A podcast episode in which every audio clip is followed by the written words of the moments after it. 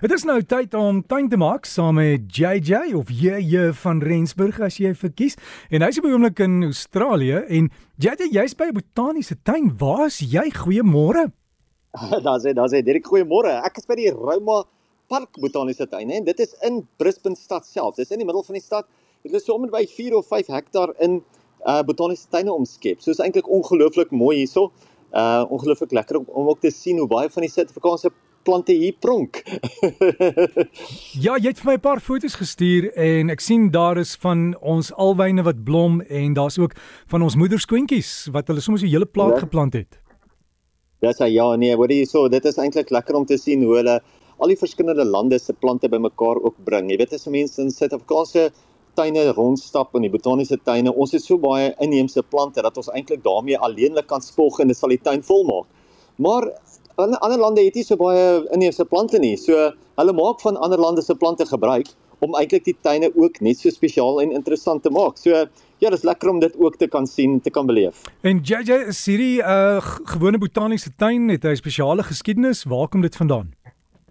Hier is eintlik heel interessant. Ek het net toe lees ek vinnig so 'n klein stukkie daaroor. Is die ou spoorweg ehm um, meganiese afdeling as ek dit so kan stel waar hulle al die treine reggemaak het En in die jaar 2001 het hulle dit oopgemaak as 'n botaniese tuin. So dis eintlik nie 'n baie ou botaniese tuin nie, maar jy kan sien baie van hierdie bome staan ook al baie jare. So dit is seker daar tussen die uh treintrokke of tussen die spoorweë het hierdie bome gegroei, weet en uh so pragtig ontwikkel. Ja, en wat is die plek se naam JJ?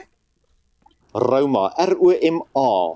So weet jy hoekom word hy Roma genoem nie? Hy's teen Roma straat. So dit is dalk waar die Roma vandaan kom. Maar jy het vir ons raad oor tuin maak, jy weet jy wil praat oor rose snoei? Dit's net so. Ja nee, Derek, maar ek sien daar's 'n paar koue fronte wat op pad is na Suid-Afrika toe. Ja, en ons het ons uh, bloeiseltjies wat begin uitkom op die perskebome en vrugtebome. Uh, hulle gaan seker skade kry, né? Nee, Derek, ongelukkig ja, hulle gaan wel skade kry. 'n Mens kry dit gewoonlik dat die bome darm weer bloeisels uitstuur um uitstoot net na die koue in die regte tyd van die jaar. Maar ja, dit gebeur ook dat die bome dan vir 'n jaar of wat dit sal oorstaan. So kom ons hoop of oorslaan. Kom ons hoop dat jou plante wel weer gaan bloeisels uitstoot as hulle wel nou gaan koud kry of gaan seer kry met die koue wat kom. Ongelukkig ja.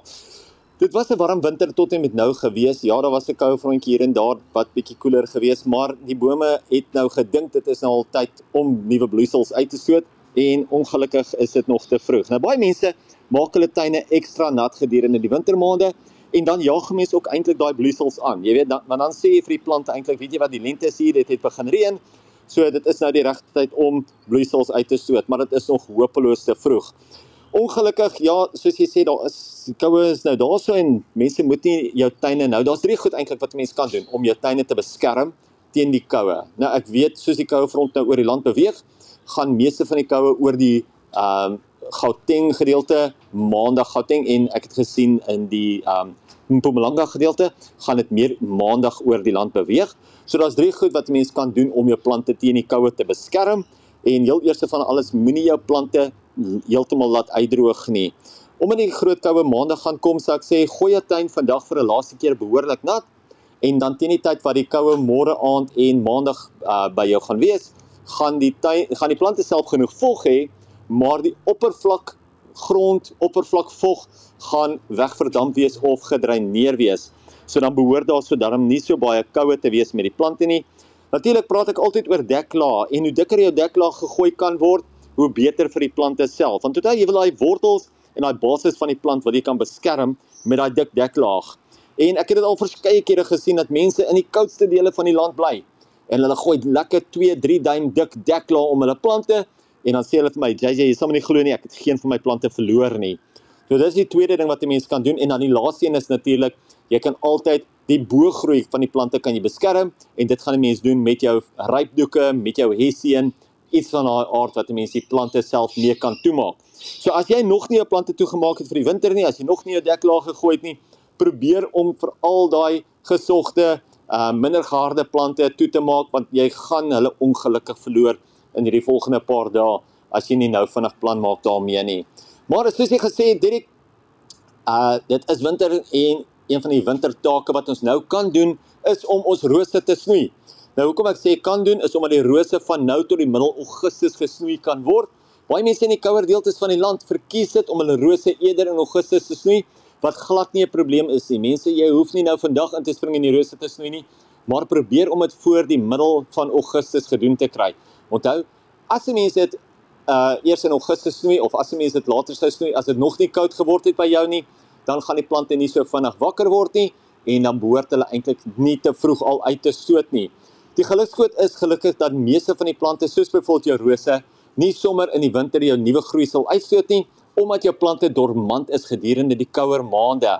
So vir daai rede gaan hulle eers in die lente weer nuwe groei uitstoot. Nou rose snoei is eintlik baie maklik en ek weet Gardenwold het nou laas naweek die roosnoei demonstrasie gehad. Daar was heelwat mense daar gewees wat weer eens lekker baie kon leer en as jy self 'n uh, 'n roosnoei demonstrasie bywoon, vind net bietjie uit by jou kwekery in jou omgewing wie het 'n roosnoei demonstrasie aan.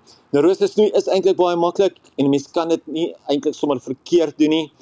Hoekom snoei ons? Eerste van alles, ons wil van ou en besmette hout ontslaa raak. Nou die beste tyd om dit doen sal gedurende die wintersnoei wees, omdat jy maklik groot takke afsny en jy nou nie maklik gaan sukkel met infeksies nie.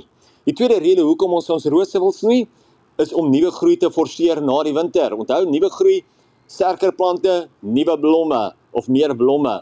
En dan die laaste ene is eintlik om die plante self kleiner en meer hanteerbaar te maak. Nou elke tipe roos word natuurlik anders gesnoei. Die mees algemene roos is die gewone bosrose. Nou dit is gewoonlik die teerose en die floribundas, maar dit is wanneer jy hom kry in 'n bos, wanneer daai bos lekker laag op die grond begin. En hier probeer ons om die rose af te bring tot so ongeveer op kniehoogte.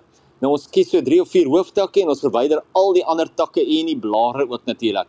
Onthou om jou snitte altyd skuins te maak sodat die water kan afloop en nie op die takkies self lê en dit gunstig maak vir swamme nie. So sny hom teen 'n hoek sodat die water wel teen die um, teen die takkies self kan afloop. As ons nou kom by die standaardrose of jou hoogstamrose soos dit ook genoem word, moet dit in geheel ongeveer 50% kleiner gemaak word. So hy moet gehalveer word. Maar in plaas van net so 3 of 4 hooftakke, los 'n mens tot en met 10 hoofstamme wat gehalveer kan word en verwyder dan die res van die kleiner takkies sowel as die blaartjies. Onthou nou hulle word gehalveer in lengte. Grondbedekker rose en rankrose word op dieselfde beginsel benader.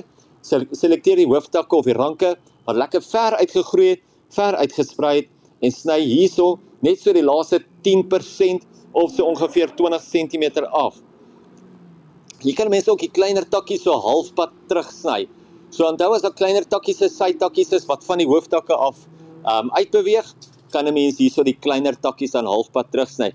Mens moenie die rankrose of die grondbedekkers te veel terugsny nie, want mens wil nie hierdie plant met elke uh, lente weer van die basis af uitgroei nie. Onthou jy wil nie al jou vorige seisoen se groei ook hierso verloor nie. Los 'n bietjie van daai um vorige seisoene se grond. Dit is 'n groei. Natuurlik is dit ook raadsaam om jou rose na die snoei te voer en ook 'n goeie deklaag te gee. En onthou nou kan 'n mens tussen hulle beweeg, so dis eintlik maklik om dit nou te doen. Ek voer gewoonlik in die laat winter die rose met 'n algemene 232 sodat die woord, rose lekker sterk wortels en stamme kan groei of kan gee. Elke snoeiwond word gewoonlik um, wat dikker as 'n potlood is, word natuurlik gewoonlik geseël om insekte en swamme uit te hou. So daarso gebruik mense net eenvoudig 'n seelaar waarmee mense dan daai wonde kan kan seël. Dit is ons plant van die week vir hierdie week. Ek self is natuurlik mal oor grasse en veral jou ornamentele grasse. En ons plant van die week vir hierdie week is natuurlik weer 'n ornamentele gras.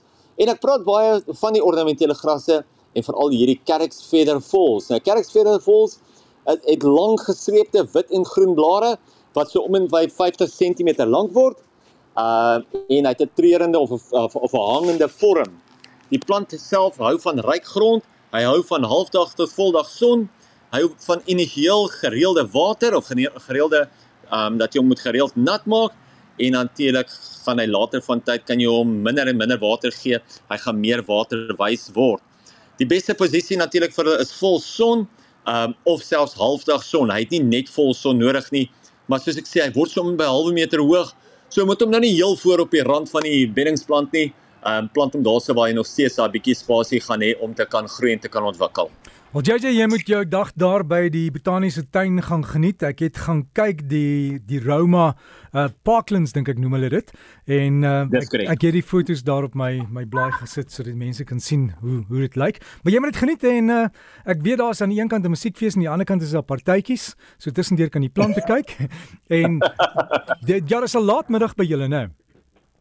Ja, nee, dit is nou so 4 uur, amper 4 uur by ons. So ja nee, hierdie mense begin al amper skemerkelkies te drink, jong. Hey, geniet dit JJ van Rensburg daar wat so lekker tuin maak en onthou as jy wil kontak maak, jy kan net vir my e-pos ek vir hom aanstuur en is d@rsg.co.za.